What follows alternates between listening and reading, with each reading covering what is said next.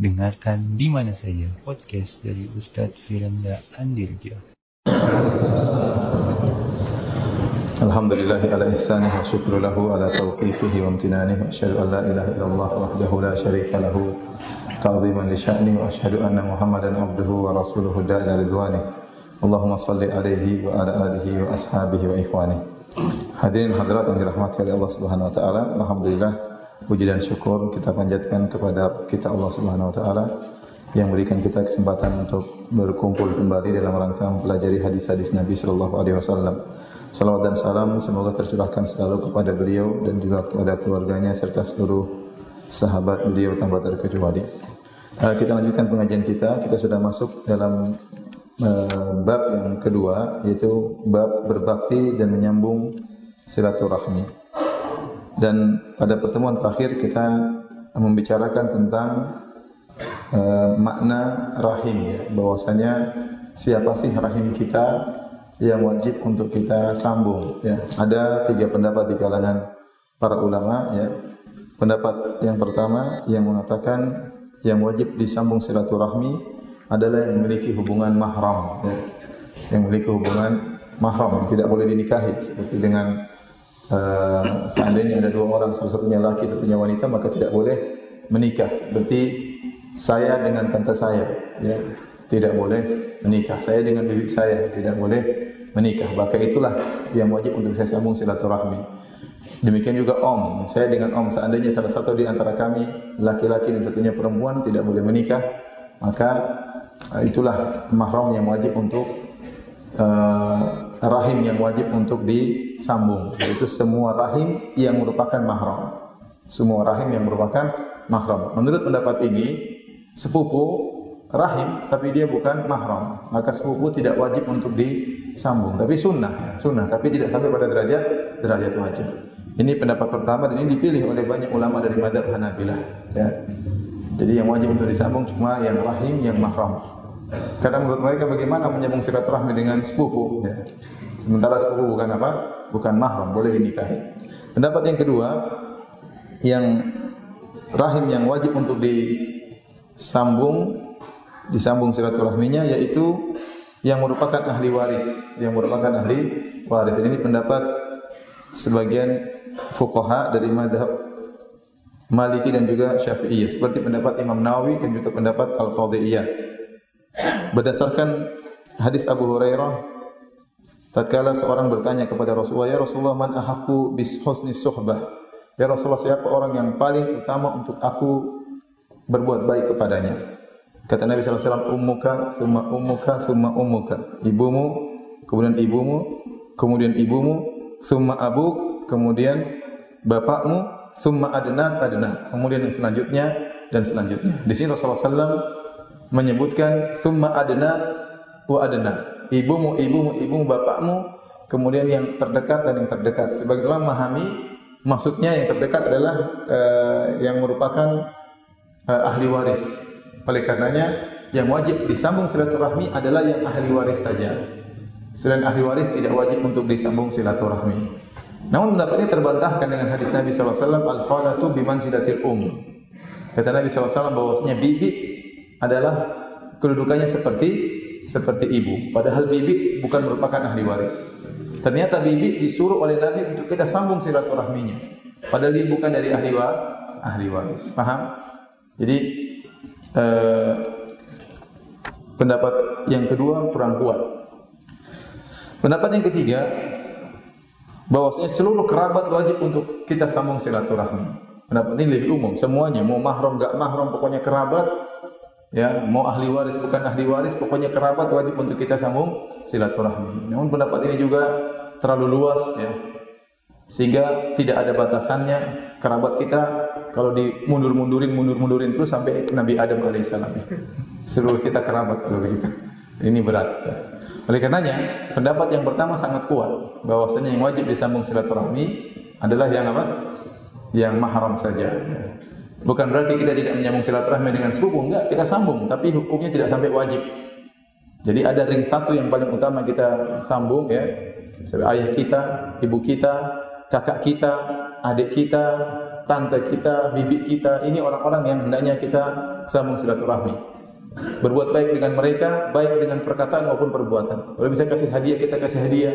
Kalau kita punya duit, kita transfer uang kepada mereka. Kalau tidak kita telepon mereka, kita kunjungi mereka. Ini orang-orang ini, ring satu ini.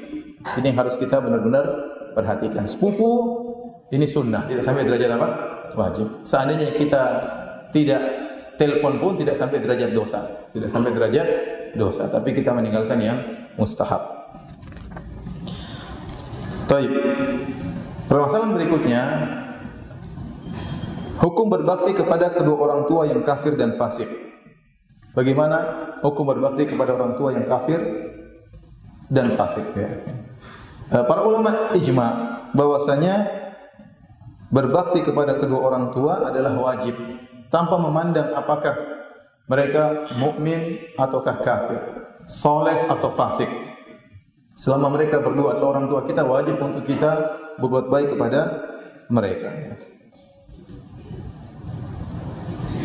Dalilnya jelas Allah berfirman dalam surat Luqman ayat 14 sampai 15 kata Allah Subhanahu wa taala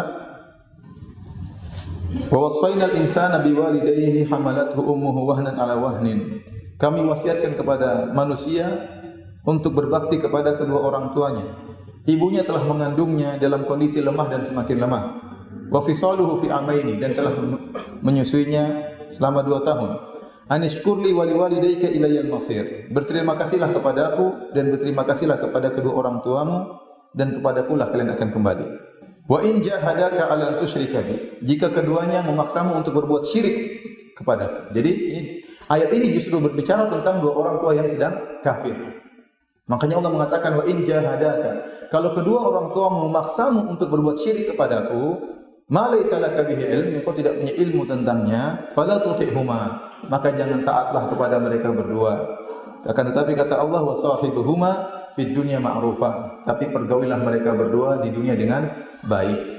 Justru ayat ini berkaitan dengan orang tua yang musyrik. Ternyata Allah suruh berbakti kepada kedua orang tua yang musyrik.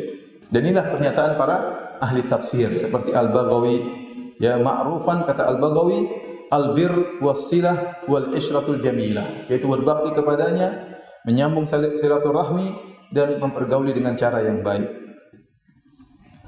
Demikian juga kata Ibnu Atiyah menafsirkan ma'rufa wa sahibuhuma fid dunya ma'rufa berbuat baiklah kepada mereka berdua dengan cara yang ma'ruf.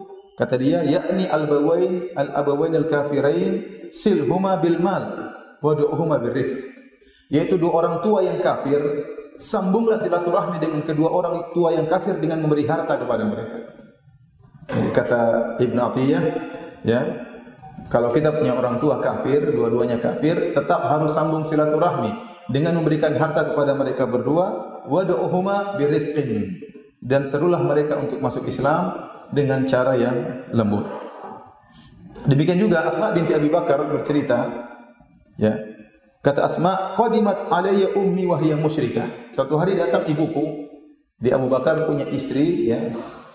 Uh, entah mungkin sudah dicerai, musyrik.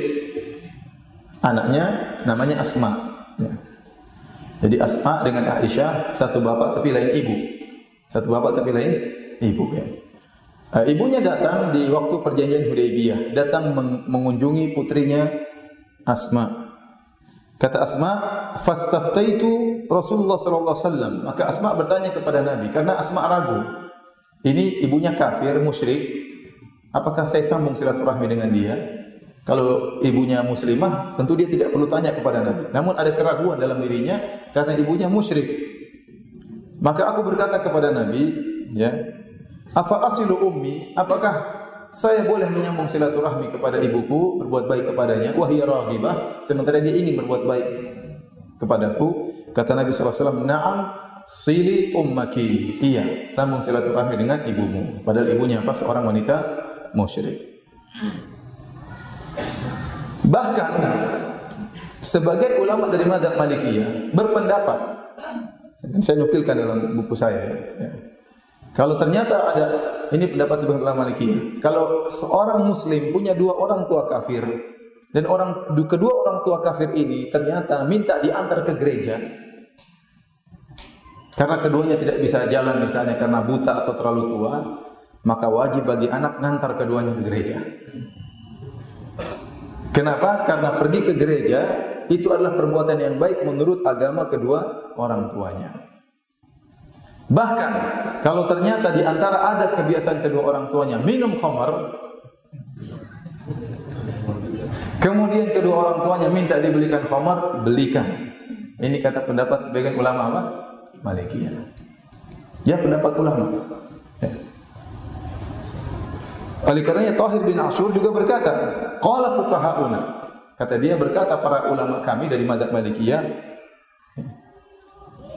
Idza anfaqa al-waladu ala abawayil kafirain al-faqirain. Kalau seorang anak memberi nafkah kepada kedua orang tuanya yang kafir, yang miskin, wa kana adatuhuma syurbal khamr dan kebiasaan kedua orang tuanya minum khamar, ishtara lahum al-khamar, maka berikan belikan khamar buat kedua orang tuanya. Ini pendapat tapi saya tidak setuju. saya menyampaikan pendapat ini untuk menjelaskan bahwasanya begitu para ulama membahas tentang pentingnya berbakti kepada kedua orang tua, bahkan sebagian ulama berpendapat pendapat meskipun mereka nyuruh beli khamar apa belikan. Saking pentingnya berbakti kepada kedua orang tua. Mereka punya dalil tentunya. Dalilnya apa?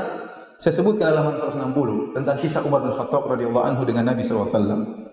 Ya, bahwasanya Umar melihat ada kain sutra yang dijual di depan masjid. Maka Umar mengatakan kepada Nabi, "Wahai Rasulullah, bagaimana kalau Anda beli kain sutra ini? Lalu engkau memakai baju sutra ini pada hari Jumat untuk berhias pada hari Jumat, kemudian untuk untuk menerima tamu. Untuk menerima tamu. Ini kata para ulama dalil bahwasanya seorang hari Jumat berusaha memakai pakaian yang terbagus. Kemudian juga kalau melayani tamu juga dengan pakaian yang rapi. Jangan melayani tamu kemudian pakai kaos apa dalam kelihatan ketek, eh silakan masuk. Karena Umar memberi ide, wahai Rasulullah, belilah pakaian yang bagus dari sutra ini untuk dipakai hari Jumat dan untuk menemui apa? tamu. Kalau tamu-tamu datang kepadamu. Maka Rasulullah SAW berkata, Inna ma yalbasu hadhihi man fil akhir. Yang boleh pakai baju sutra ini hanyalah orang-orang kafir. Kemudian tidak lama kemudian datang hadiah kepada Nabi berupa kain sutra. Maka Rasulullah SAW memberikan kain sutra tersebut kepada Umar bin Khattab radhiyallahu taala anhu. Jadi banyak kain sutra, baju-baju sutra diambil satunya dikasihkan kepada Umar sebagai hadiah. Maka Umar berheran. Kata Umar, "Ya Rasulullah, kasautaniha wa qad qulta fi hullati utarid."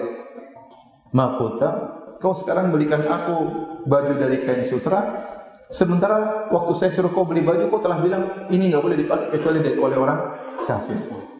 Maka Rasulullah SAW berkata, Inni lam aksukaha litalbisaha. Saya kasih kau kain, saya memberi kau wahai Umar kain ini bukan untuk kau pakai. Maka akhirnya Umar mengambil kain tersebut. Fakasaha Umar akhon lahu bi Makkah musyrikan. Maka Umar pun memberikan kepada saudaranya di Mekah masih musyrik, Umar berikan baju atau kain sutra tersebut kepada saudaranya yang musyrik di mana? Di Mekah. Dia tidak pakai tapi dia kasih apa? Saudaranya yang musyrik. Dari dalil ini, ya ini hadis riwayat Bukhari. Maka sebenarnya berpendapat kalau begitu kain sutra kan boleh dipakai semua orang kafir. Maka Umar menyambung silaturahmi dengan saudaranya kafir dengan memberikan memberikan apa? Kain sutra. Ada khamar sambung silaturahmi kasih kakak nikah minum khamar. sambung silaturahmi. Ini pendapat mereka. Jadi maksud saya para ulama itu berpendapat bukan asal-asalan, tidak mereka punya dalil. Tetapi ini dibantah oleh para ulama yang lain. Jumhur ulama berpendapat tidak boleh. Tidak boleh. Meskipun orang tua dua kafir kalau minta khamar jangan dikasih. Ya minta hantar ke gereja enggak, di sini aja. Enggak usah ke gereja. Kenapa? Karena Allah berfirman, "Wala ta'awanu 'alal itsmi wal udwan." Ya. Tidak boleh saling tolong menolong dalam dosa dan permusuhan. Ya. Taib. Kesimpulannya, jika orang tua kafir saja, wajib untuk kita sambung silaturahmi. Bagaimana lagi dengan yang fasik? Orang tua mungkin tidak sholat, mungkin minum khamar, tetap aja kita harus baik sama dia. Jangan kita cari alasan, nah orang tua saya tukang minum khamar, Ustaz saya tidak mau berbuat baik sama dia. Enggak. Yang kafir saja Anda disuruh berbuat baik. Bahkan yang kafir yang maksa Anda untuk musyrik tetap harus berbakti. Apalagi orang tua yang mungkin teler, yang mungkin berzina, yang mungkin tetap aja Anda wajib untuk berbakti kepada orang tua meskipun dia fasik. Permasalahan berikutnya, bagaimana hukum menyambung silaturahmi dengan kerabat yang kafir atau fasik? Punya kakak murtad. Nah, gimana ini? Ya. Punya tante murtad, punya adik murtad. Apakah tak wajib untuk disambung silaturahmi? Punya kakak beragama lain, punya adik beragama lain. Kita masuk Islam misalnya. Apakah wajib kita nyambung silaturahmi? Allah alam bisawab ya. Banyak dalil-dalil yang menjelaskan tentang disyariatkannya menyambung silaturahmi meskipun dengan kerabat yang kafir ya. Seperti dalam surat Al-Ahzab ayat 6 ya. Nanti antum bisa baca sendiri ya. Kemudian juga dalam surat Al-Baqarah ayat 180 ya. Kata Allah kutiba alaikum idza hadara ahadakumul mautu in taraka khairan al-wasiyatu lil walidaini wal aqrabina bil ma'ruf haqqan 'alal muttaqin. Telah diwajibkan atas kalian jika salah seorang dari kalian akan meninggal dunia dan dia punya harta hendaknya dia berwasiat kepada kedua orang tuanya dan kepada kerabatnya dengan cara yang baik. Inilah hak adalah kewajiban bagi orang-orang yang bertakwa. Ya, jadi bukan cuma wasiat kepada kedua orang tua tapi juga kepada kerabat. Setelah turun hadis Nabi wala wasiat lil waris, tidak boleh ada wasiat bagi ahli waris, maka para ulama menafsirkan ayat ini kalau orang tua yang muslim tidak boleh dapat wasiat, tapi kan, kenapa? Karena orang tua muslim adalah ahli waris. Tapi kalau orang tuanya kafir, maka boleh dapat wasiat. Demikian juga kerabat yang kafir boleh dikasih apa? Wasiat. Ini jadikan oleh para ulama tentang berbuat baik kepada kerabat meskipun kafir. Seperti juga dalam hadis Nabi sallallahu alaihi wasallam, Rasulullah sallam waktu turun firman Allah wa andir ashiratakal akrabin. Berilah peringatan kepada keluarga engkau yang terdekat. Maka Rasulullah sallam memanggil orang-orang Quraisy. Kemudian mereka berkumpul. Kemudian Rasulullah sallam mengatakan, "Ya bani Ka'ab bin Lu'ay, angkidhu anfusakum minan nar. Wahai anak-anak Ka'ab bin Lu'ay, yaitu dari kakek-kakek Nabi yang di atas. Selamatkanlah diri kalian dari neraka jahanam. Ya Bani Murrah bin Ka'ab, wahai anak-anaknya Murrah bin Ka'ab, angkidhu anfusakum minan nar. Selamatkanlah diri kalian dari neraka jahanam. Ya Bani Abdi Syams, angkidhu anfusakum minan nar. Wahai anak-anak Abdus Syams, selamatkan diri kalian dari neraka jahanam. Ya Bani Abdi Manaf, Rasulullah SAW semakin mengkhususkan.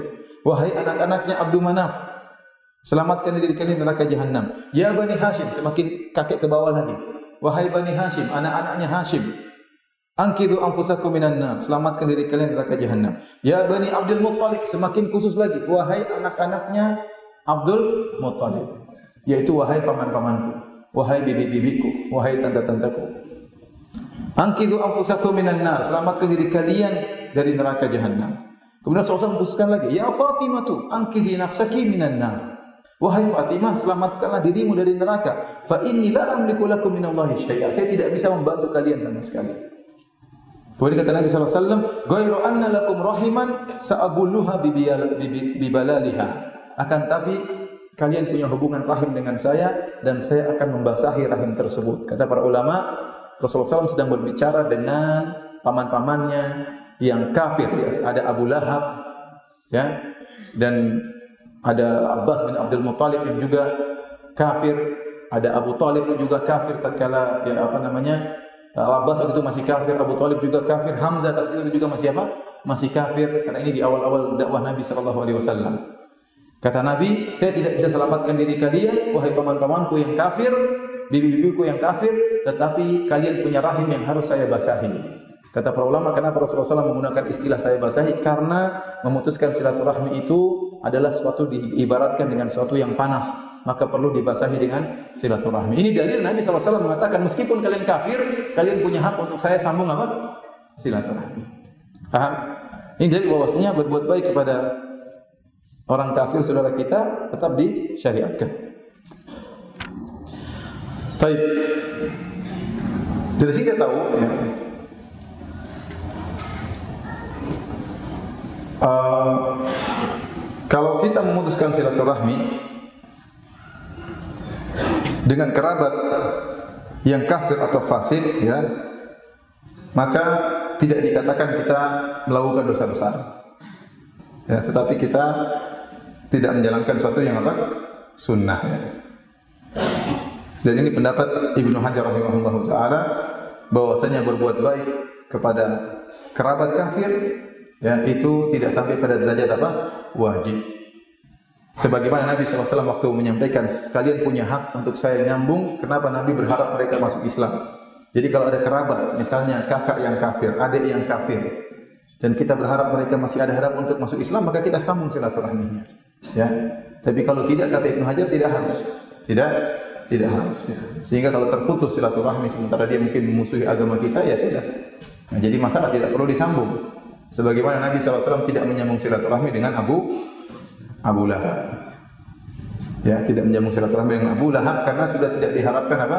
Islam. Terus mengganggu dakwah Nabi alaihi wasallam. Jadi kalau kita ada orang kafir yang baik, ya kita baik ya. Apalagi kakak kita mungkin murtad, adik kita masih diharapkan dia bisa kembali kepada Islam, kita berusaha terus sambung silaturahmi. Tapi kalau dia ternyata musuh Islam, ya sudah tinggalkan saja. Ya, tidak harus kita menyambung silaturahmi dengannya. Tapi kita masuk hadis yang pertama tentang keutamaan silaturahmi. An Abi Hurairah radhiyallahu anhu qala dari sahabat Abu Hurairah beliau berkata qala Rasulullah sallallahu alaihi wasallam Rasulullah SAW bersabda Man ahabba an yubsata lahu fi rizqihi. Barang siapa yang suka dilapangkan rezekinya wa yunsa'alahu fi atharih dan ingin dipanjangkan umurnya falyasil rahimah maka hendaknya dia sambung silaturahmi. Hadis riwayat Al Imam Al Bukhari ini di antara keutamaan silaturahmi yang luar biasa ternyata menyambung silaturahmi bisa ya bukan hanya meraih pahala akhirat memasukkan seorang dalam surga, tetapi juga Allah segerakan kebaikan baginya di dunia. Yaitu akan dilapangkan rezekinya dan akan dipanjangkan umurnya. Ya, dilapangkan rezekinya dan akan dipanjangkan umurnya. Tapi apa maksudnya dilapangkan rezekinya dan dipanjangkan umurnya? Secara umum ada dua pendapat di kalangan para ulama. Pendapat pertama mengatakan yang dimaksud dengan dipanjangkan umurnya dan dilapangkan rezekinya adalah diberkahi oleh Allah Subhanahu wa taala. Karena umurnya tidak akan berubah dan rezekinya tidak akan berubah. Allah sudah takdirkan sejak awal. Umurnya tidak akan dipanjangkan, rezekinya pun tidak akan diperbanyak. Karena sudah ditakdirkan dan takdir, takdir tidak akan berubah. Kalau gitu maksudnya maksudnya diberkahi. Meskipun rezekinya segitu-segitu saja, tapi ternyata dia bisa bersedekah, ternyata dia bisa umroh, mungkin dia bisa haji, Ya. Kenapa diberkahi rezekinya oleh Allah? Jadi serasa banyak rezekinya itu. Serasa banyak rezekinya tersebut. Umurnya juga demikian, umurnya tidak diperpanjang, umurnya begitu-begitu saja, tapi berkah. Waktunya habis untuk baca Quran, waktunya habis untuk bantu orang lain, waktunya habis untuk berbakti kepada orang tua, ya, waktunya habis untuk mencari nafkah buat keluarga, hari-harinya bermanfaat, tidak terbuang-buang waktunya. Kenapa? Karena dia sering menyambung silaturahmi sehingga Allah berkahi umur dan rezekinya. Ini pendapat pertama. Pendapat kedua, bahwasanya benar-benar rezekinya ditambah, benar-benar umurnya dipanjangkan. Benar-benar rezekinya ditambah dan benar-benar umurnya dipanjangkan. Artinya seharusnya ditakdirkan umurnya 50, namun gara-gara dia menyambung silaturahmi umurnya jadi 70. Jadi bonus 20 tahun. Seharusnya umurnya, harusnya rezekinya secara total sampai mati cuma 1,5 miliar, gara-gara dia menyambung silaturahmi jadi 20 miliar. Eh, kebanyakan ya benar-benar ditambah. Dan ini pendapat yang lebih kuat secara zahir hadis, lebih kuat. Kenapa? Karena takdir memang bisa berubah. Takdir di tangan malaikat bisa bisa berubah. Dalilnya apa? Dalilnya dalam surat Ar-Ra'd. Allah Subhanahu wa taala berfirman ayat 39, "Yamhullahu ma yasha wa yuthbit wa indahu umul kitab." Kata Allah, Allah menghapus catatan yang Allah kehendaki, yaitu catatan di malaikat. Allah menghapus atau Allah menetapkan terserah Allah. Wa indahu umul kitab dan di sisi Allah ada lauhil mahfud yang tidak pernah berubah. Ada lauhil mahfud yang tidak bisa berubah. Tayyib. Maksudnya bagaimana Ustaz? Maksudnya begini. Jadi takdir ada beberapa tingkat. Ada namanya takdir harian, ada namanya takdir umur, ada namanya takdir tahunan, ada namanya takdir lauhil mahfud. Yang ada di lauhil mahfud yang tahu hanya Allah Subhanahu wa taala dan tidak pernah berubah. Inna Allah kataba maqadir al-khalaiq qabla an yakhluqa as-samawati wal ardi bi khamsina alf sanah. Sungguhnya Allah telah menuliskan takdir seluruh makhluk 50 ribu tahun sebelum Allah menciptakan langit dan bumi. Ini takdir lauhil mahfuz. Kemudian ada takdir-takdir yang lain yang diperinci, ya, yang diambil kalau kita bisa bahasakan secara sederhana, data diambil dari database, database yang ada di lauhil mahfuz. Diturunkan oleh Allah takdir harian. Kata Allah, "Kullu yawmin huwa fi sya'an." Setiap hari Allah punya urusan. Di antaranya Allah mentakdirkan tiap hari. Ya, ada keputusan-keputusan Allah harian ada. Ada keputusan Allah yang tahunan. Ya. Inna anzalnahu fi lailatin mubarakatin inna kunna mundirin fiha yufraqu kullu amrin hakim. Kata Allah kami turunkan Al-Qur'an di malam Lailatul Qadar, Lailatul malam yang penuh keberkahan. Maka pada malam tersebut diputuskan perkara-perkara. Sehingga setiap tahun ada namanya takdir tahunan. Setiap malam Lailatul Qadar Allah katakan dari sekarang sampai tahun depan akan terjadi demikian demikian demikian. Namanya takdir apa? Tahunan. Datanya juga diambil dari Lauhil Mahfuz. Ada namanya takdir umri, takdir yang berkaitan dengan umur seseorang yang malaikat catat tatkala seorang masih dijanin. Ya, masih dijanin kata Allah kata Nabi sallallahu alaihi wasallam fayursalu ilaihi malak. Maka diutuslah malaikat kepada janin tersebut.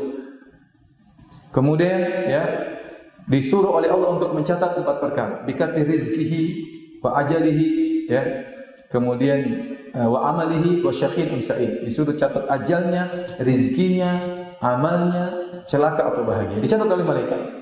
Nah, kata para ulama, yang dicatatkan malaikat ini, yang Allah suruh catat kalau malaikat catat itu takdir janin ini. Allah malaikat catat. Nah, takdir yang ada di catatan malaikat ini bisa berubah. Dalilnya surat Ar-Ra'd kata Allah, "Yamhullahu ma yasha wa yuthbit." Allah merubah yang Allah kehendaki dan Allah tetapkan wa indahu umul kitab dan sisi Allah ada lauhil mahfuz yang tidak pernah berubah datanya. Maksudnya bagaimana? Contoh sederhana, ini menggampangkan. Ada seorang dalam perut ibunya masih janin. Ya, kemudian Allah kirim malaikat suruh catat. Dicatat oleh malaikat orang ini uh, ajalnya 50 tahun umurnya. Ya, kemudian rezekinya sampai mati 1,5 miliar. Dicatat oleh malaikat sudah selesai. Tahu-tahu orang ini waktu umur 30 tahun sangat berbakti kepada orang tuanya. Selalu menyenangkan hati orang tuanya. Suka mengunjungi bibi-bibinya, tanda-tantenya. Suka telepon kakak dan adiknya. Suka memberi hadiah kepada saudara-saudaranya. Allah bilang sama malaikat, "Wahai malaikat, rubah itu catatan." Karena dia suka menyambung silaturahmi 50 tahun jadikan 70 tahun. Rezekinya 1,5 miliar tadi jadi berapa? 20 miliar. Karena suka nyambung silaturahmi. Nah, nah terus di Lauhil Mahfuz bagaimana? Di Lauhil Mahfuz yang tertulis 70 tahun dan 20 miliar. Faham? Yang di Lauhil Mahfuz tercatat semuanya. Proses ini tercatat di Lauhil Mahfuz. Malaikat pertama catat sekian, kemudian si fulan berbakti sama orang tuanya, kemudian Allah suruh berubah jadi 70 tahun dan 20 miliar, kesimpulannya di Lauhul Mahfuz dicatat berapa? 70 tahun dan 20 miliar. Paham atau tidak? Ini pendapat yang kedua, pendapat dipilih Syekh Islam Ibnu ini pendapat yang lebih kuat karena berdasarkan dohir hadis. Karena antum tidak tahu rezeki antum berapa di Lauhul Mahfuz, dan antum tidak tahu umur antum berapa di Lauhul Mahfuz, antum jalankan saja hadis ini. Kalau ingin rezekinya lapang, maka sambung silaturahmi ingin umurnya dipanjangkan, maka sambung silaturahmi. Misalnya antum hendak bekerja, pagi-pagi telepon mama, mak, mana kabarnya mak? Sehat mak? Baik mak? Ya, antum naik mobil sambil telepon. Subhanallah tiba-tiba terjadi kecelakaan antum selet apa lupa gitu akhirnya antum tabrak pohon pisang. Seharusnya antum itu tabrak truk, tapi gara-gara dia telepon mama nggak jadi mati, nabrak pohon pisang. Ini misal aja umpama. Ya. Ya kita nggak tahu, tahu-tahu antum ada misalnya mau deal sama orang ada bisnis, kayaknya susah sekali antum berbuat sama orang tua, tahu-tahu oke, okay. tahu-tahu oke. Okay. Kenapa? Karena dengan menyambung silaturahmi, rezeki akan ditambahkan dan umur akan dipanjangkan. Ya. Bisa jadi orang seharusnya sakit parah jadi sembuh gara-gara apa? Gara-gara dia menyambung silaturahmi. Oleh karenanya pendapat yang lebih kuat adalah pendapat yang sesuai dengan dohir hadis adalah pendapat tersebut yang benar-benar ditambah rezekinya dan benar-benar ditambah umurnya. Dan terbukti banyak orang ya eh, berbakti kepada orang tuanya dimudahkan rezekinya oleh Allah Subhanahu wa taala. Saya tidak pernah melihat ada orang berbakti sama orang tua kemudian dia orang ini gagal dalam kehidupannya. Saya belum pernah lihat ada orang berbakti sama orang tuanya kemudian dia gagal dalam kehidupannya. Yang saya tahu semua orang berbakti kepada orang tuanya.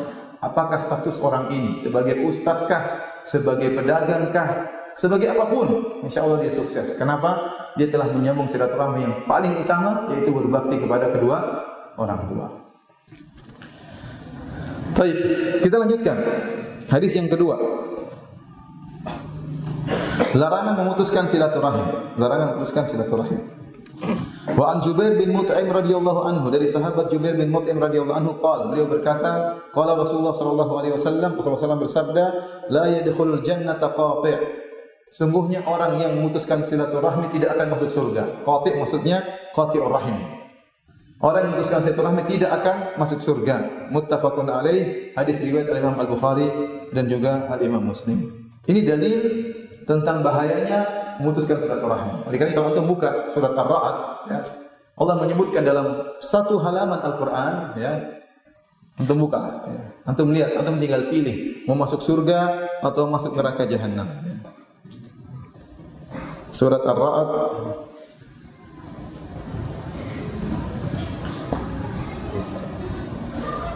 ayat ke-20 dan seterusnya ya. Jadi surat Ar-Ra'd surat 13 halaman pertama, halaman kedua, halaman ketiga, halaman keempat.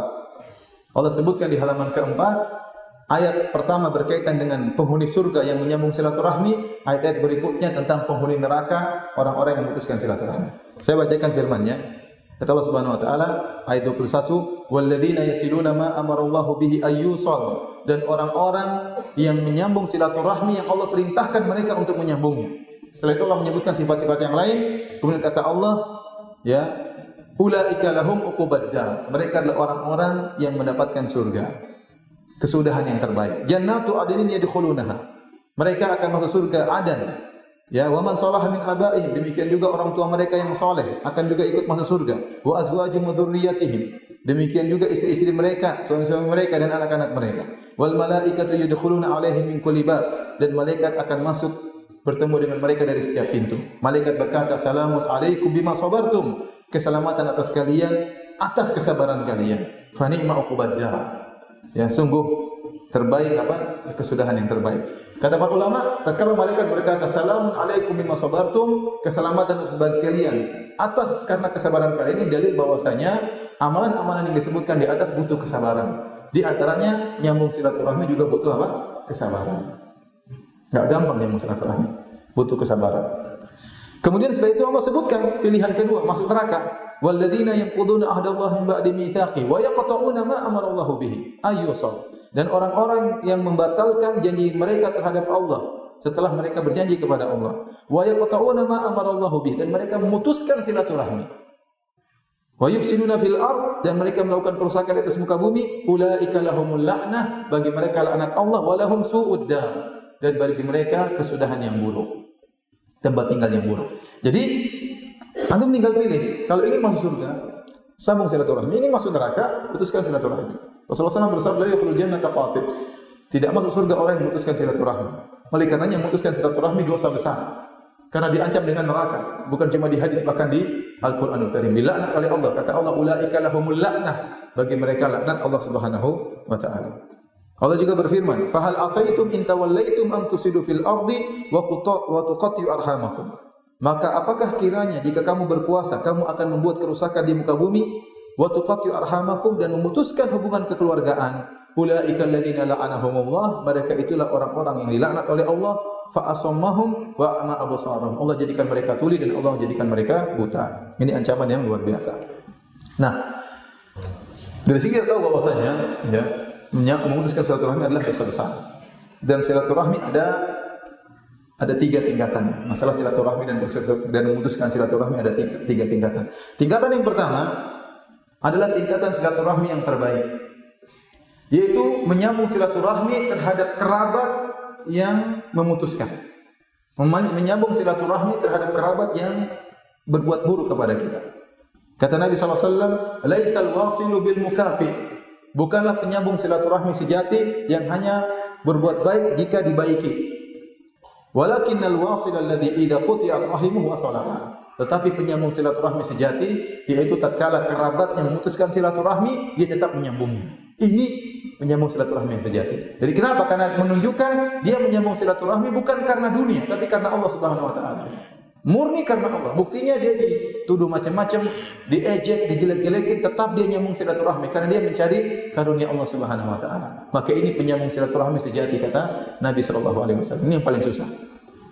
Dalam Sahih Muslim ada seorang berkata, "Ya Rasulullah, innali qarabatan asiluhum wa yaqta'unani." Ya Rasulullah, saya punya kerabat saya selalu sambung silaturahmi berbuat baik kepada mereka sementara mereka senantiasa memutuskan silaturahmi. Wa uhsinu ilaihim wa yusiuna ilayya. Aku berbuat baik kepada mereka dan mereka berbuat buruk kepadaku.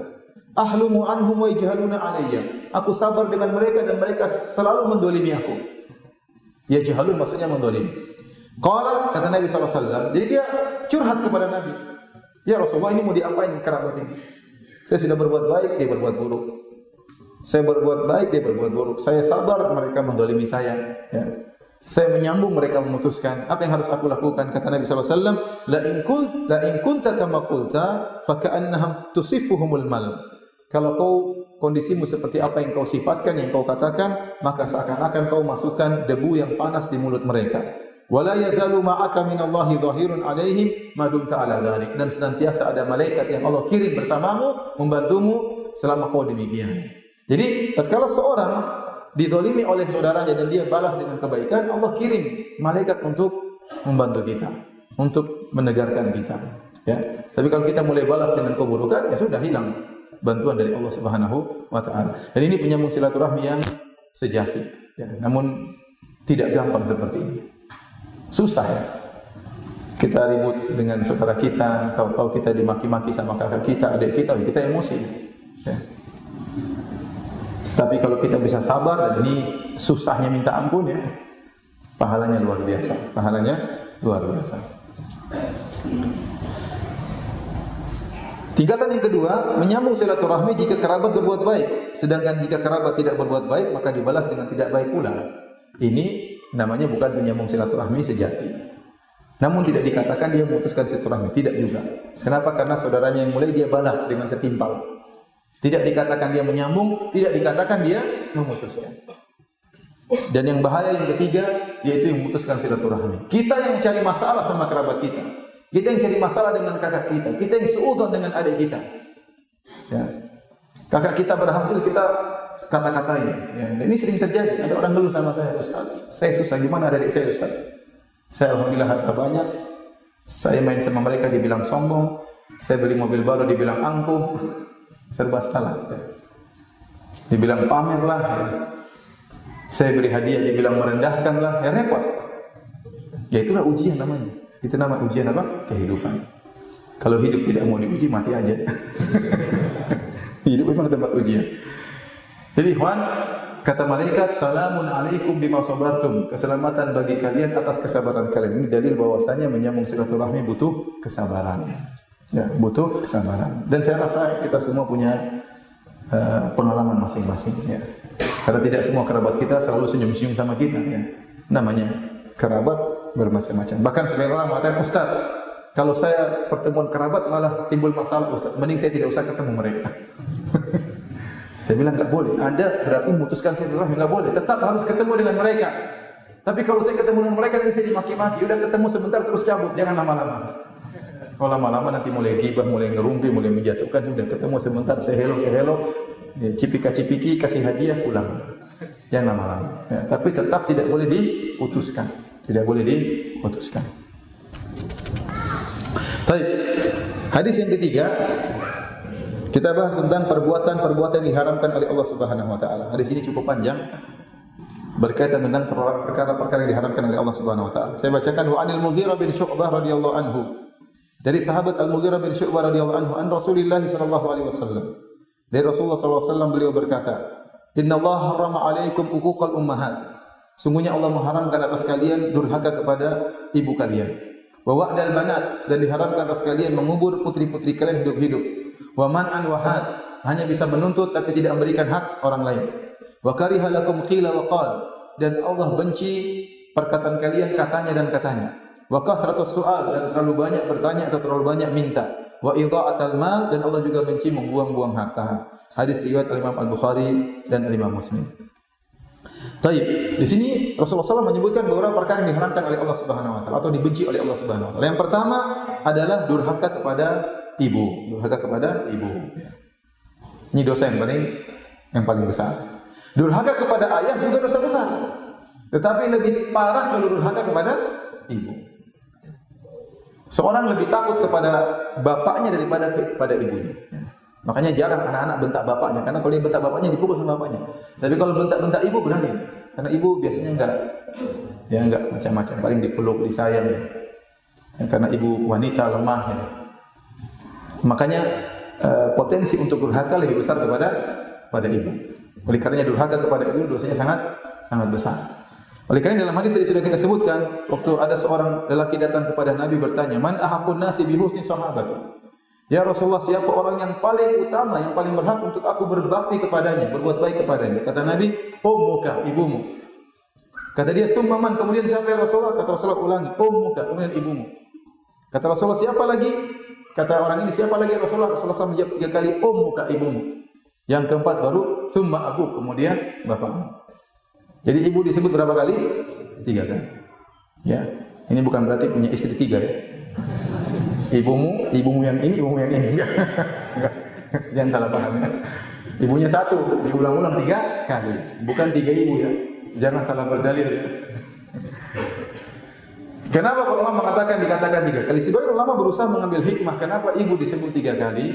Karena ibu mengalami kesulitan-kesulitan yang tidak dirasakan oleh ayah di tiga kondisi. Tatkala sedang hamil, tatkala sedang mengandung, ya. Kemudian tatkala sedang melahirkan, tatkala menyusui. Ini tiga perkara tidak dialami oleh ayah. Maka diulang sampai tiga tiga kali. Ya. Ya, ya ikhwan, apa namanya dalam kandungan tuh kita waktu kecil sangat merepotkan ibu kita, cuma kita tidak sadar. Kita baru sadar setelah kita punya istri dan kita tahu ternyata anak kita dalam perut sering merepotkan istri kita. Repot. Istri kita nidam, tidak bisa makan sembarangan. Terkadang dokter suruh dia makan sesuatu yang dia tidak sukai. Dan ngidam itu tidak dibuat-buat, memang begitu. Jangan ada yang bilang, kamu jangan macam-macam, ngidam itu bid'ah. Bukan bid'ah. Memang seperti itu. Karena ada yang bilang ini ngidam itu bid'ah. Mana ngidam bid'ah? Semua pelaku bid'ah di alam semesta ini kalau itu. Enggak memang begitu ya. Gimana perubahan hormon dan macam-macamnya secara kedokteran juga memungkinkan sehingga dia tidak suka makanan tertentu enggak suka, bau tertentu tidak suka ya. Bahkan saya sering dengar bahwasanya bahkan seorang wanita tidak suka dengan bau keringat suaminya waktu sedang ngidam. Ini paling penderitaan yang luar biasa. Ini bukan pengalaman pribadi ya, enggak. Jadi tidak suka, tidak mau dekat-dekat suaminya. Ya, suaminya kepingin dia nggak mau. Kenapa? Dia nggak bisa cium bau keringat apa? Suaminya. Ada yang macam-macam ingin bau tertentu, ingin makan tertentu, setengah mati. Ya. Sampai ada cerita yang paling aneh saya dengar ada seorang istri ingin lihat suaminya naik di atas lemari. Kok alam benar atau tidak? Saya rasa tidak benar itu. Tapi sering malam-malam tahu-tahu istri ingin makan tertentu, ingin makan gado-gado jam 12 malam cari di mana? Ya, ingin beli bakso jam sekian cari di mana ya? Tiba-tiba dia kepingin mau diapain? Dulu kita seperti itu merepotkan ibu kita dan merepotkan apa? Bapak kita. Cuma kita udah lupa. Coba antum kalau ambil besi taruh 3 kilo di perut kan nggak enak jalan-jalan. Dulu ente dalam perut ibu ente begitu, ibu menderita. Makanya Allah mengatakan hamalathu ummuhu wahnan ala wahnin. Ibunya mengandungnya kelemahan yang terus bertambah-tambah. Ya, terus. Ya. Repot ya. Belum lagi tatkala melahirkan.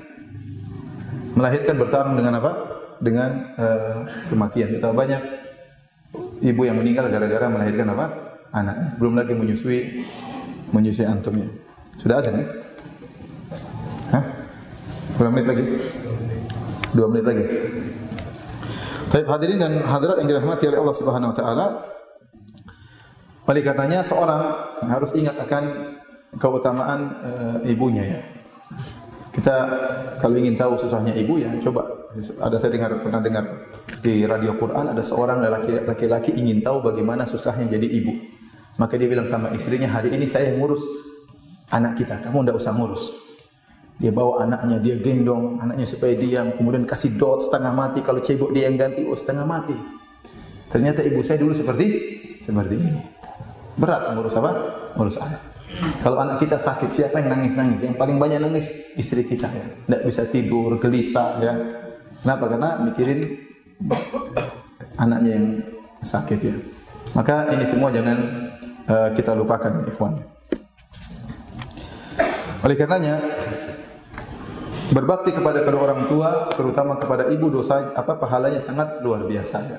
Berbakti kepada ibu pahalanya sangat luar biasa. Saya sebutkan riwayat-riwayat dari para salaf bagaimana mereka sangat berbakti kepada ibu mereka. Seperti halaman 180 kata Muhammad Ibn Munkadir rahimahullah. Bitu agmizu rijla ummi wa bata Umar yusalli lailatahu famasarrani lailati bi lailatihi. Kata Ibnu Munkadir, Aku semalam semalaman mijit kaki ibuku. Sementara saudara kandungku Umar salat malam semalam suntuk. Tapi kalau suruh tukaran pahala saya tidak mau. Saya tidak mau. Karena dia tahu mijit kaki ibu ini pahalanya apa? Besar. Karena Allah yang suruh berbakti kepada orang tua. Azan ya. Azan ya. Kita azan, salat kita lanjutkan lagi insyaallah. Untuk berbakti kepada kedua orang tua terutama terhadap uh, ibu kita. Wa qala Abu Bakar bin Ayyash Abu Bakar bin Ayyash berkata, "Rubbama kuntu ma'a Mansur ibn al-Mu'tamir." Terkadang aku bersama Mansur ibn al-Mu'tamir jalisan fi manzilihi. Mansur ibn al-Mu'tamir adalah seorang ulama ya. Duduk di rumahnya, fatasihu bihi ummuhu. Tiba-tiba ibunya teriak memanggilnya. Wa kanat fadhatan alaihi dan ibunya kasar terhadap dia. Fatakul ibunya berkata, "Ya Mansur, yuriduka Ibnu Hubairah 'ala al-qadha fata'ba." Wahai Mansur, Ibnu Hubairah ingin mengangkat engkau sebagai qadhi, sebagai hakim dan engkau menolak ya wa huwa wadhi'un lihyatahu ala sadrihi ma yarfa'u tarfahu ilaiha. Sementara Mansur Ibnu Mu'tamir tatkala diomelin oleh ibunya dia hanya menundukkan pandangannya ya sehingga lihyahnya jenggotnya di atas dadanya dan dia tidak berani memandang ibunya. Ya, dan ini menunjukkan bagaimana baktinya kepada ibunya. Jadi ceritanya Mansur ini mau diangkat menjadi qadhi, menjadi hakim di uh, kota tersebut dan dia tidak mau. Ya, tentunya dia punya alasan karena menjadi hakim tidak gampang. Ya. Al-qadhi fil jannah wal qadhiyani fil nar. Ada satu hakim di surga, dua hakim di neraka jahanam. Rawan kalau salah berhukum maka bisa menjerumuskan sang hakim dalam neraka jahanam. Maka dia menolak dan banyak para ulama dahulu menolak untuk menjadi qadhi, tidak mau diangkat jadi qadhi karena pekerjaan yang sangat riskan, yang sangat berbahaya. Padahal itu pekerjaan terhormat, tapi mereka tidak tidak mau. Ibunya ngomel, kenapa kau tidak menjadi qadhi? Ya. Tetapi Mansur hanya diam, ya, tidak merasa sok di hadapan ibunya, tidak mengatakan, "Ma, ma mama tuh nggak ngerti ini bahaya, Ma." Dia diam aja. Ibunya teriak padahal dan dia diam aja. Padahal dia sangat dihormati oleh orang lain. Contoh lagi kisah tentang Abu Hanifah rahimahullahu taala. Jadi Abu Hanifah, ibunya pernah bertanya suatu permasalahan kepada Abu Hanifah. Kemudian Al-Imam Abu Hanifah adalah orang paling alim di zamannya. Orang paling alim di zamannya. Kemudian Imam Abu Hanifah memberi fatwa, jawabannya begini, Bu. Kata ibunya, saya enggak mau terima dari engkau. Antar saya ke si fulan, si Zur'ah. Zur'a ini adalah seorang pemberi nasihat. Ya, tukang nasihat, beri nasihat di masjid. Tapi bukan orang alim. Saya hanya mau dengar fatwa dari dia.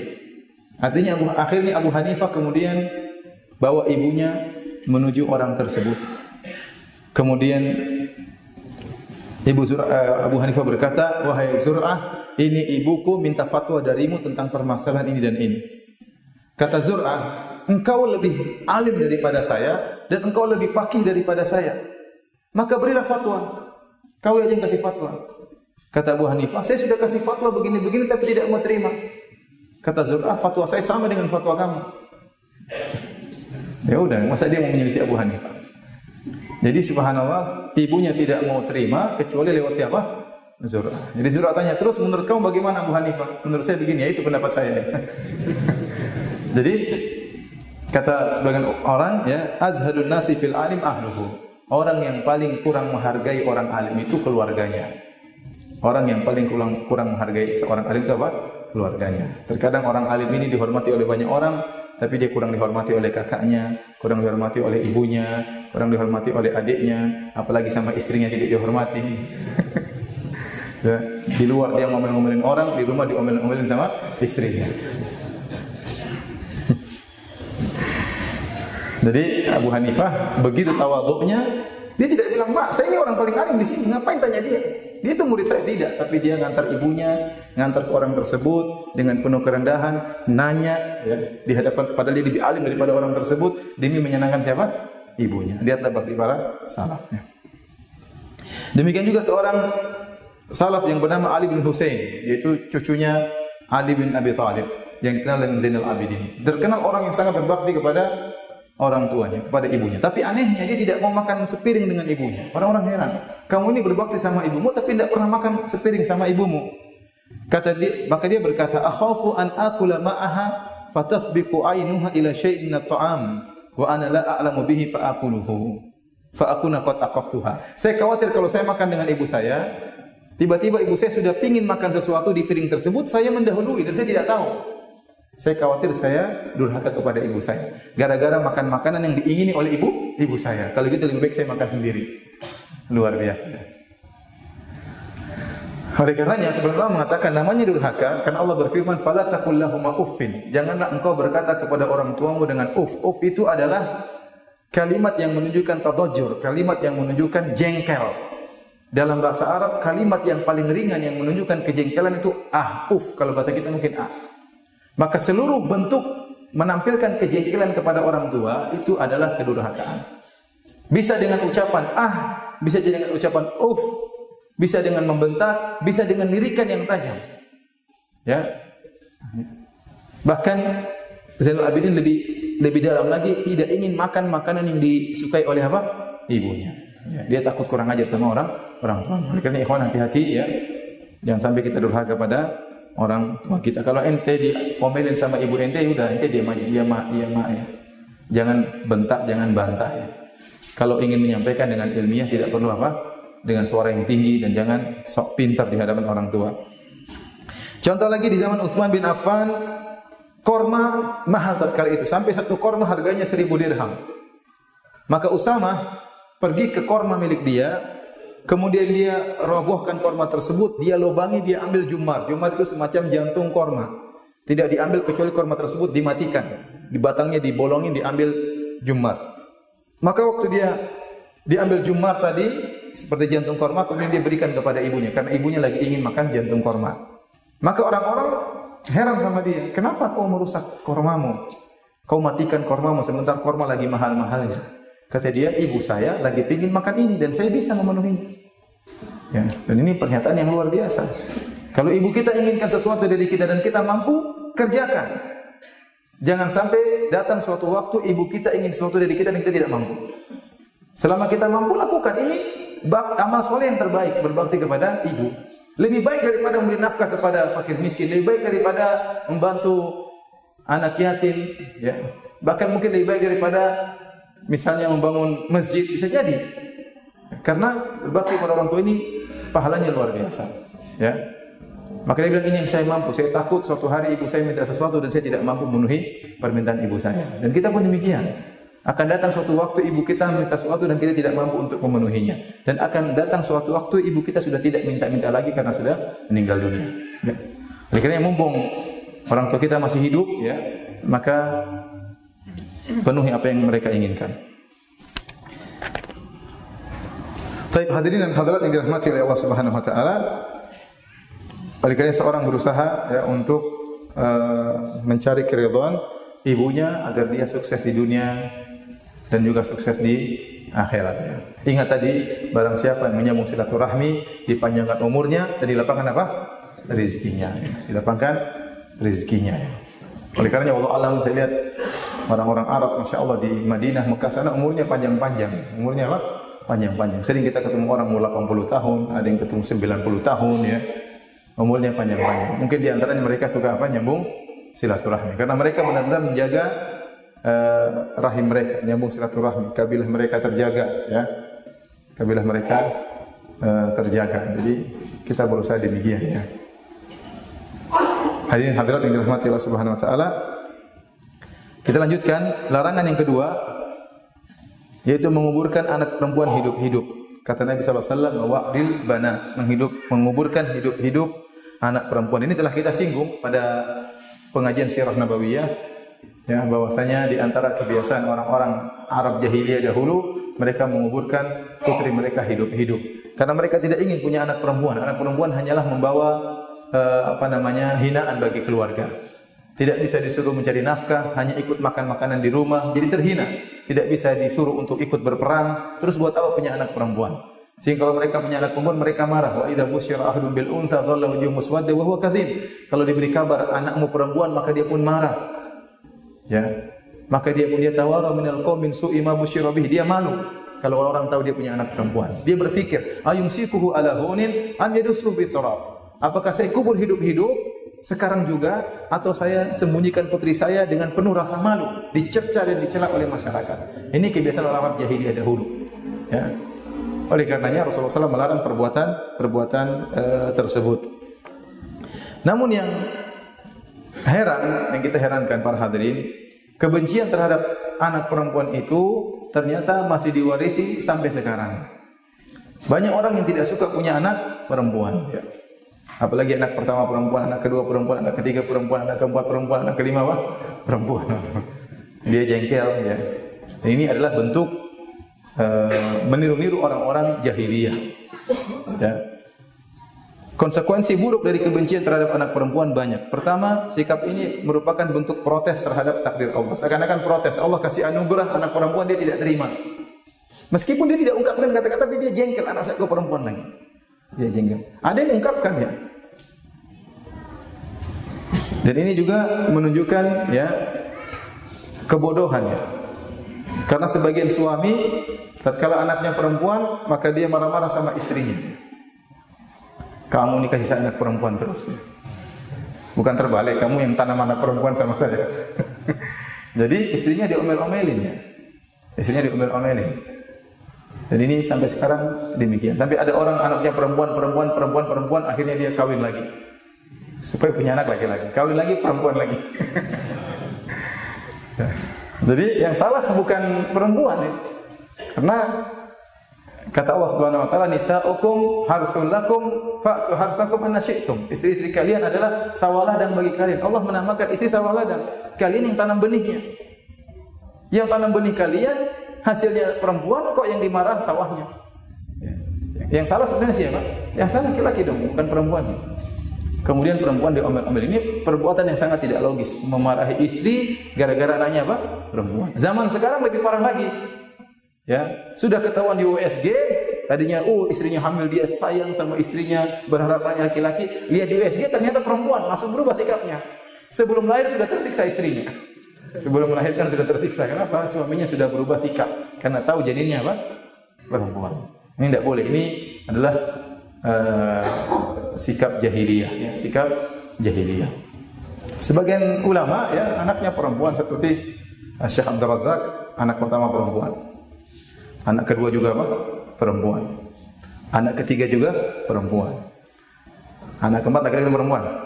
Perempuan juga. Anak kelima perempuan juga. Bayangkan. Saya Razak lima anak berturut-turut perempuan dan dia tidak poligami. Jadi jadi begitulah. Ternyata anak keenam baru laki-laki. Anak keenam laki-laki, anak ketujuh kalau nggak salah laki-laki, baru kemudian beliau menikah yang kedua ya. ya jadi eh, terkadang ya saya juga pernah cerita ada orang menikah dengan seorang wanita, anaknya 13 perempuan semua. Ya udah itu rezeki dari Allah Subhanahu wa taala. Maka seorang tidak boleh menolak rezeki tersebut ya. Yakinlah bahwasanya di balik memilih anak perempuan banyak sekali faedahnya. Bukankah Nabi sallallahu alaihi wasallam pernah bersabda dalam hadisnya, "Ya man kana lahu thalathu banatin, barang siapa yang memiliki tiga putri, fasabara alaihinna, dan sabar dalam merawat tiga putrinya ya atau amahunna memberi makan kepada mereka wasaqahunna memberi minum kepada mereka wa kasahunna memberi pakaian kepada mereka kunna lahu hijaban minan nar yaumil qiyamah. Maka putri-putrinya tadi akan menjadi penghalang baginya di neraka dari neraka jahanam Nabi SAW juga bersabda, "Manibtuliya min hadhil banati bi syai'in." Barang siapa yang diuji dengan sesuatu dari anak-anak perempuan. Sebagaimana mengatakan ini dalil bahwasanya anak perempuan itu ujian. Dia anugerah tapi sekaligus apa? Ujian karena perlu uh, perhatian khusus dalam merawat anak-anak perempuan. Ya. Fa ahsana ilaihinna, kemudian dia berbuat baik kepada anak-anak perempuannya, kunna lahu sitran minan nar. Maka akan menjadi penghalang darinya dari neraka jahanam. Syekh Abdul Razak juga bercerita tentang kisah seseorang yang dia menikah dengan istrinya, kemudian anak pertama perempuan, anak kedua perempuan, anak ketiga perempuan, anak keempat perempuan, mulai dia mulai jengkel sama istrinya. Empat perempuan. Nah, yang lima bagaimana? Tunggu. Ternyata yang kelima juga apa? Perempuan. Kata dia, awas, ini sudah. Awas kalau keenam perempuan lagi kata. Ternyata Allah ini zaman-zaman dulu belum ada USG. Ternyata lahir anak keenam juga apa? Perempuan. Dia sudah jengkel sekali. Hamil lagi istri yang ketujuh. Awas kalau ketujuh lagi perempuan katanya. Pokoknya diancam istri. Ini udah ketakutan. Istrinya sudah ketakutan. Dia berdoa, ya Allah semoga anak saya yang ketujuh apa? Laki-laki berdoa, berdoa. Allah suatu hari dia tertidur, istrinya sedang mau melahirkan, dia tunggu di rumah sakit atau di mana, terus dia ketiduran. Ketiduran nunggu istrinya melahirkan. Dan dia berdoa semoga anaknya laki. Dalam tidur tersebut dia mimpi. Mimpi bahwasanya telah tiba hari kiamat. Kemudian dia disidang oleh Allah, ternyata dia difonis masuk neraka. Maka kemudian malaikat melemparkan dia ke neraka jahanam lewat pintu yang pertama. Dan neraka jahanam ada tujuh pintunya. Laha sab'atu abwab, kulli babin minhum juz'un maqsum. Kata Allah, neraka itu ada tujuh pintunya. Setiap pintu sudah ada bagiannya. Maka dia dilemparkan ke neraka jahanam lewat pintu pertama. Tahu-tahu anak perempuan pertamanya menghalangi sitron minan nar. Dihalangi dari neraka jahanam. Abinya selamat. Alhamdulillah. Ternyata dilempar lagi lewat pintu kedua. Putri yang kedua datang menyelamatkannya. Abinya terselamatkan. Lempar lagi lewat pintu ketiga. Anak ketiganya menyelamatkan. Lewat keempat, pintu keempat, putri keempatnya menyelamatkan. Lempar lagi pintu keenam. Malaikat nggak bosan-bosan lempar dia. lewat pintu keenam, kelima, putri kelima menyelamatkan. Pintu keenam, putri keenam menyelamatkan. Sekarang pintu ketujuh. Dia belum punya putri ketujuh. Waktu mau dilempar nggak ada yang menyelamatkan dia. Tiba-tiba masuk neraka jahanam dia tiba-tiba terbangun. Kata dia Allah semoga anak saya itu juga perempuan. Dia pergi tahu-tahu ternyata anak yang ketujuh laki-laki kata dia.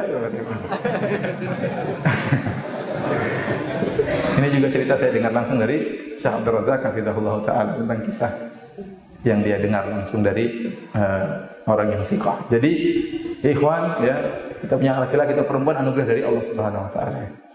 Kalau punya anak uh, perempuan jangan kita omelin istri kita. Itu perbuatan dungu. Ya, ini perbuatan dungu. Kamu yang salah nyalain orang. Kamu yang nanam, sawahnya disalahkan. Ya, itu salah. Kemudian juga bentuk protes terhadap anugerah Allah Subhanahu wa taala. Kemudian juga bentuk tasyabuh dengan jahiliyah. Uh, sebagian ahli tafsir ya, seperti Al-Imam Al-Qurtubi menyebutkan suatu syair tentang seorang wanita yang mengeluhkan suaminya. Suaminya Abu Hamzah. Jadi wanita ini suaminya punya beberapa istri, tapi istri yang ini anaknya perempuan semua. Maka dia bilang, "Mali Abi Hamzah la ya'tina." Kenapa suamiku Abu Hamzah tidak datang kepadaku? Yadhallu fil baiti alladhi yalina. Dia hanya terus di istrinya yang lain. Kok tidak mampir ke rumahku? Kok terus di istri yang lain? Ghadbana alla nalidal banina. Dia marah kepadaku karena saya tidak bisa melahirkan anak laki-laki. Tallahi ma dzalika fi aidina. Demi Allah ini di bawah di luar kekuasaan kami. Masalah laki-laki perempuan bukan urusan saya. Fanahnu kal ardi lizari'in. Kami ini seperti bumi yang untuk orang-orang yang bercocok tanam kepada kami.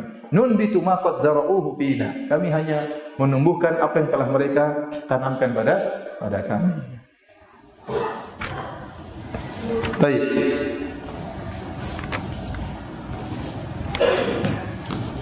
Uh, masih ada waktu?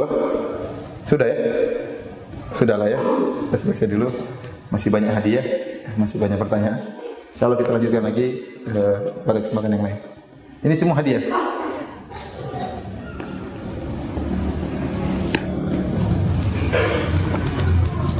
Baik, siapa yang bisa jawab pertanyaan pertama? Uh,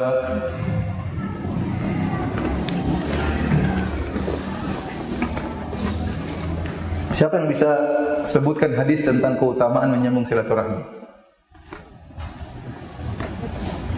Ada yang disebutkan? Ya, silakan berdiri.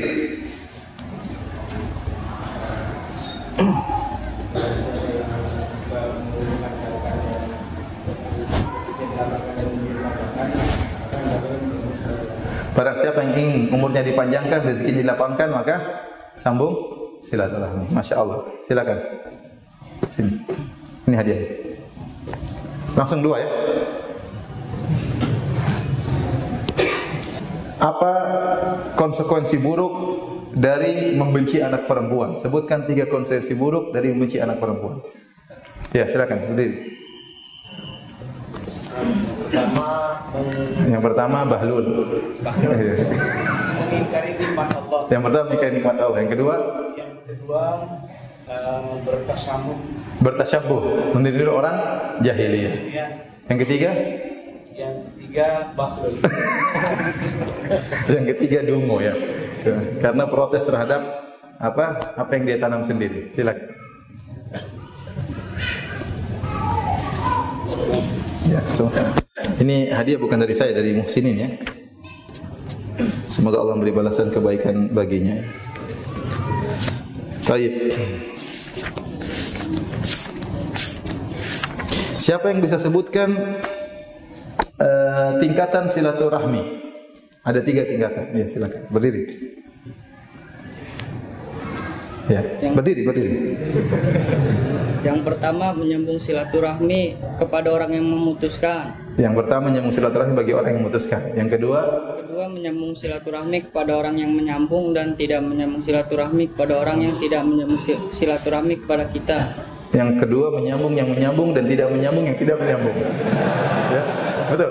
Ya, yang ketiga, Ketiga menyambung yang ketiga orang yang tidak menyambung silaturahmi. yang ketiga memutuskan silaturahmi. Masya Allah. Umur berapa? 15 tahun. Belum nikah ya?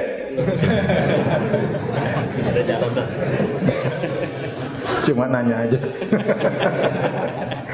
Ayo. Pertanyaan berikutnya.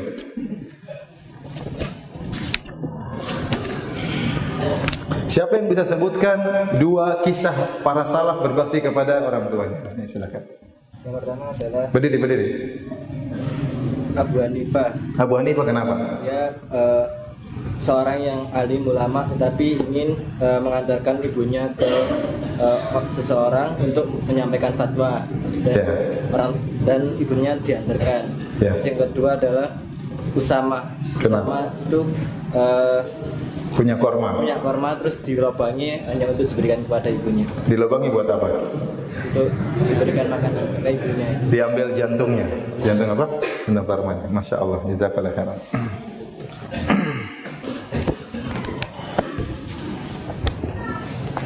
Yang terakhir, ya seperti biasa. Siapa yang paling tua? Saya yang paling tua.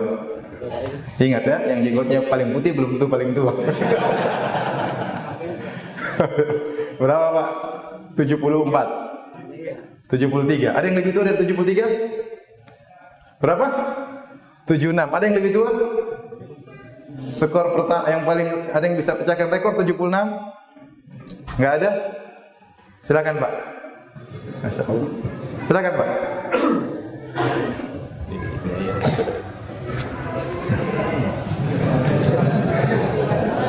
Saya ketemu orang kerabat saya masih hubungan kerabat ya. Masya Allah umurnya sudah 70 sekian tapi kelihatannya masih 60-an. Saya tanya, Om, Om Masya Allah umur berapa 70 sekian? Kok masih kelihatan muda? Kata dia, rahasianya ada Ustaz. Ya. Saya pernah pergi ke ibu saya, saya bilang, Mak, mau apa Mak? Apa yang Mama inginkan cita-citakan? Kata ibu saya, Mama mau naik haji. Akhirnya saya carikan uang supaya naikkan haji siapa? Ibu saya.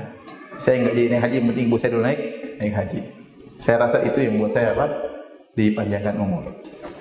Ini mungkin kita lakukan.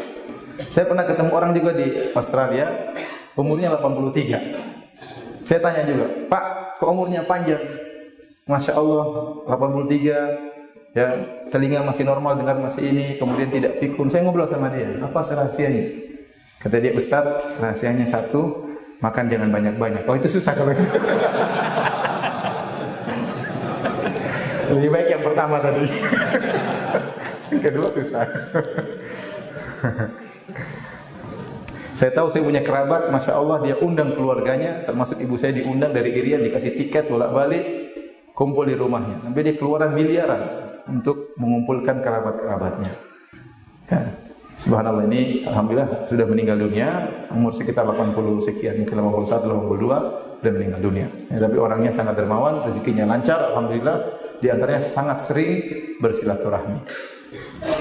Baik. Pertanyaan kita jawab sebagian tentunya.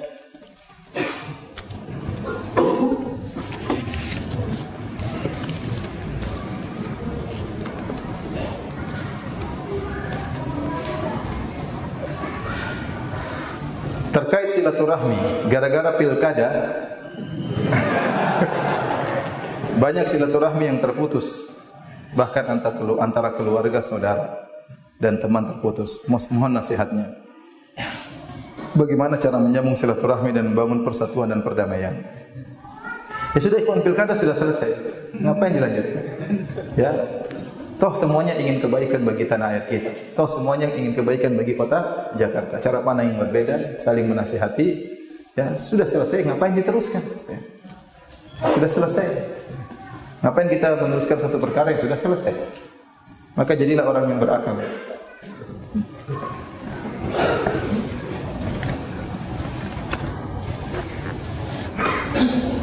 Banyak orang silaturahmi memutus silaturahmi gara-gara perkara yang sepele, gara-gara pilkada memutuskan silaturahmi ngapain? Ya. Gara-gara bola memutuskan silaturahmi ngapain? Gak keren maksudnya. Gara-gara perkara demikian.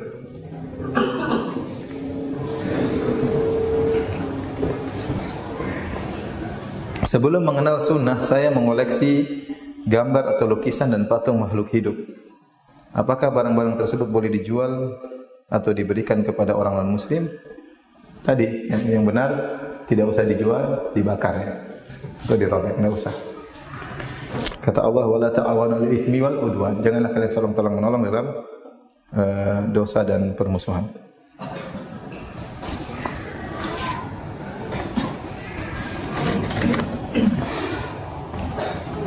Apakah boleh kita mengatakan mengungkapkan penderitaan dengan ucapan setengah mati?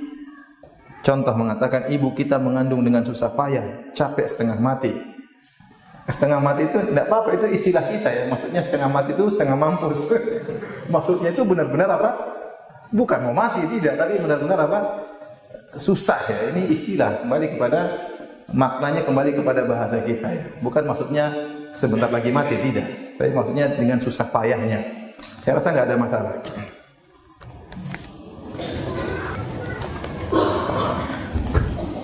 Ana mau mengerjakan sunnah, afwan keluar dari tema.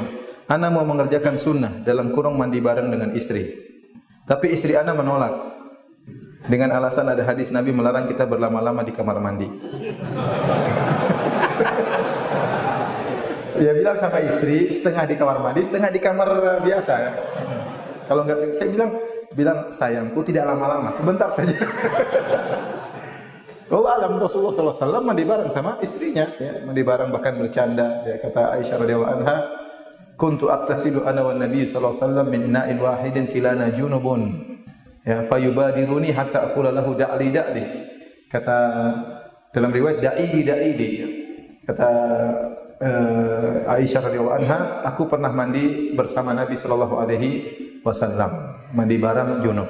Hadis ini sebagian riwayat disebutkan ada yang bertanya kepada Aisyah, "Ya Aisyah, apakah boleh seorang suami melihat kemeluan pasangannya atau istri melihat kemeluan suaminya?" Maka Aisyah berdalil dengan hadis ini. Sehingga Ibnu Hajar memahami bahwasanya boleh mandi bersama suami dalam kondisi tidak memakai pakaian sama sama sekali. Kata Aisyah, "Aku mandi bareng bersama Nabi dalam kondisi junub." Maka kami pun saling apa? Uh, berlomba dalam mengambil air sampai-sampai Eh, Nabi mendahuliku sampai aku berkata, sisakan air buatku, sisakan air buatku. Jadi Rasulullah SAW dan Aisyah bercanda tatkala sedang mandi. Bukan mandi sambil diem-diem, enggak.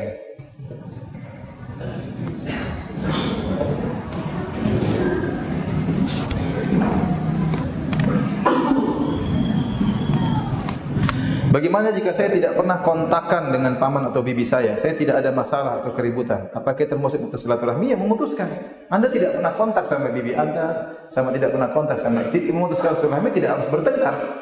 Terputus tidak ada silaturahmi itu artinya berbuat baik kepada kerabat. berbuat baik dengan harta atau dengan perkataan dengan apa pun. Kalau anda nggak pernah kontak sama sekali berarti terputus silaturahmi.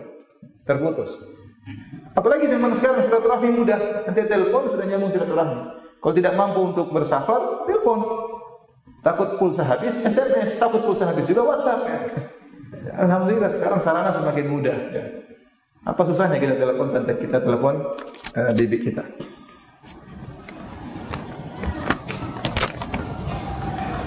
Ibu Ana ingin Ana dan keluarga Ana tinggal dengan ibu bapak Ana serumah. Ana bingung, takut ketika sedang cekcok dengan istri terdengar ibu ya sehingga membuat sedih ibu. Beberapa ustaz menyarankan tetap pisah rumah antara orang tua. Mohon nasihat ustaz. Ya, saya sanjurkan kalau ibu ingin tinggal serumah sama kita maka terima kita. Kita nasihati kita kita menahan diri kalau lagi cekcok jangan sampai kedengaran. Gimana caranya ya?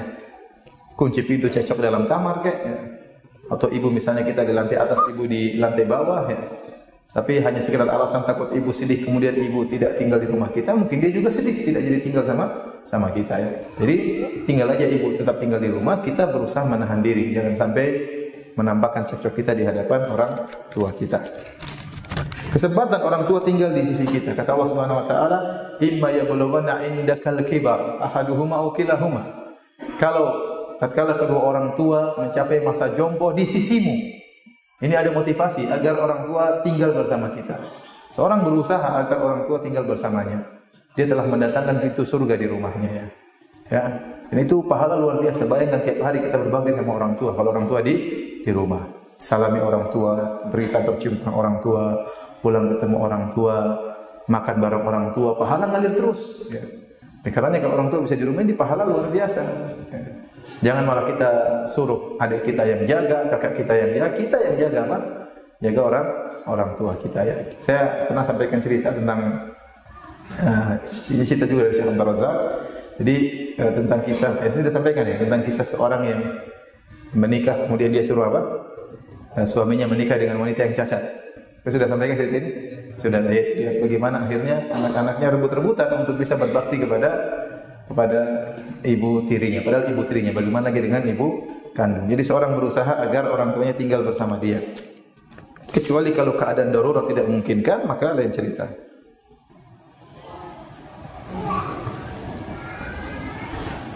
Istri anak takut punya anak lagi. Dikarenakan dua anak saya yang pertama dan kedua perempuan.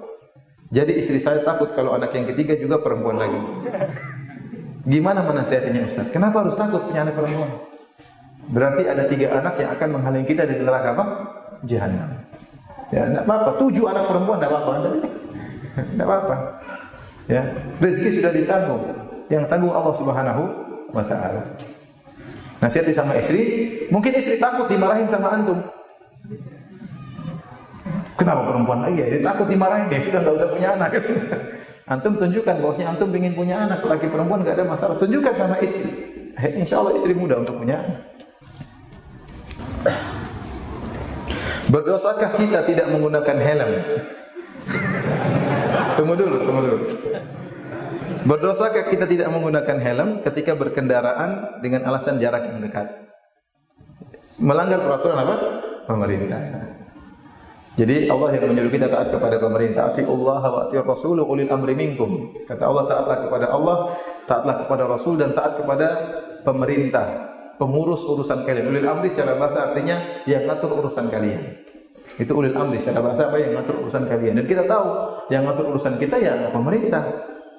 Oleh karenanya bukanlah misalnya apa namanya kelompok-kelompok kecil punya amir-amir kecil itu bukan ulil amri karena mereka nggak ngurusin urusan kita paham ada jamaah ini jamaah Islamiyah jamaah ini punya amir sendiri jamaah ini punya amir sendiri itu bukan ulil amri apa dia ngutur urusan kita kalau ada serang kita siapa yang ngurusin? Apa dia punya punya tentara untuk membela kita?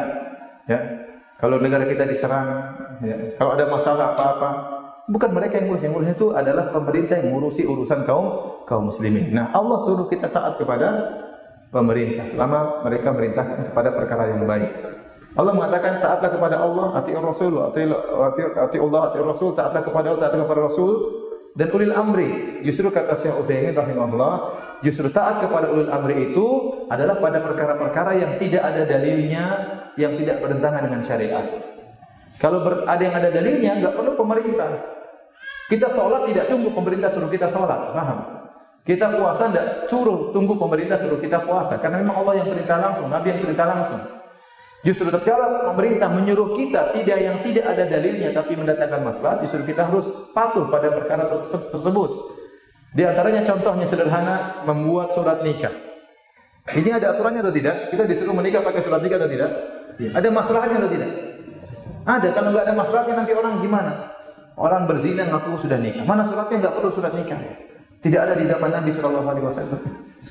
Yang lain kondisinya. Sama, pemerintah membuat lampu merah. Ya. Ini tentunya ada maslahatnya. Ya. Maka kita eh, taat kalau memang itu ada maslahatnya. Dan aturan-aturan yang lainnya. Kalau memang ada maslahatnya, kita taati. Kalau nggak ada maslahatnya atau ternyata menyelisihi syariat Allah, maka tidak perlu ditaati. Karena la ta'ata li makhlukin fi maksiatil khaliq. Tidak ada ketaatan kepada makhluk dalam rangka bermaksiat kepada Allah Subhanahu wa taala.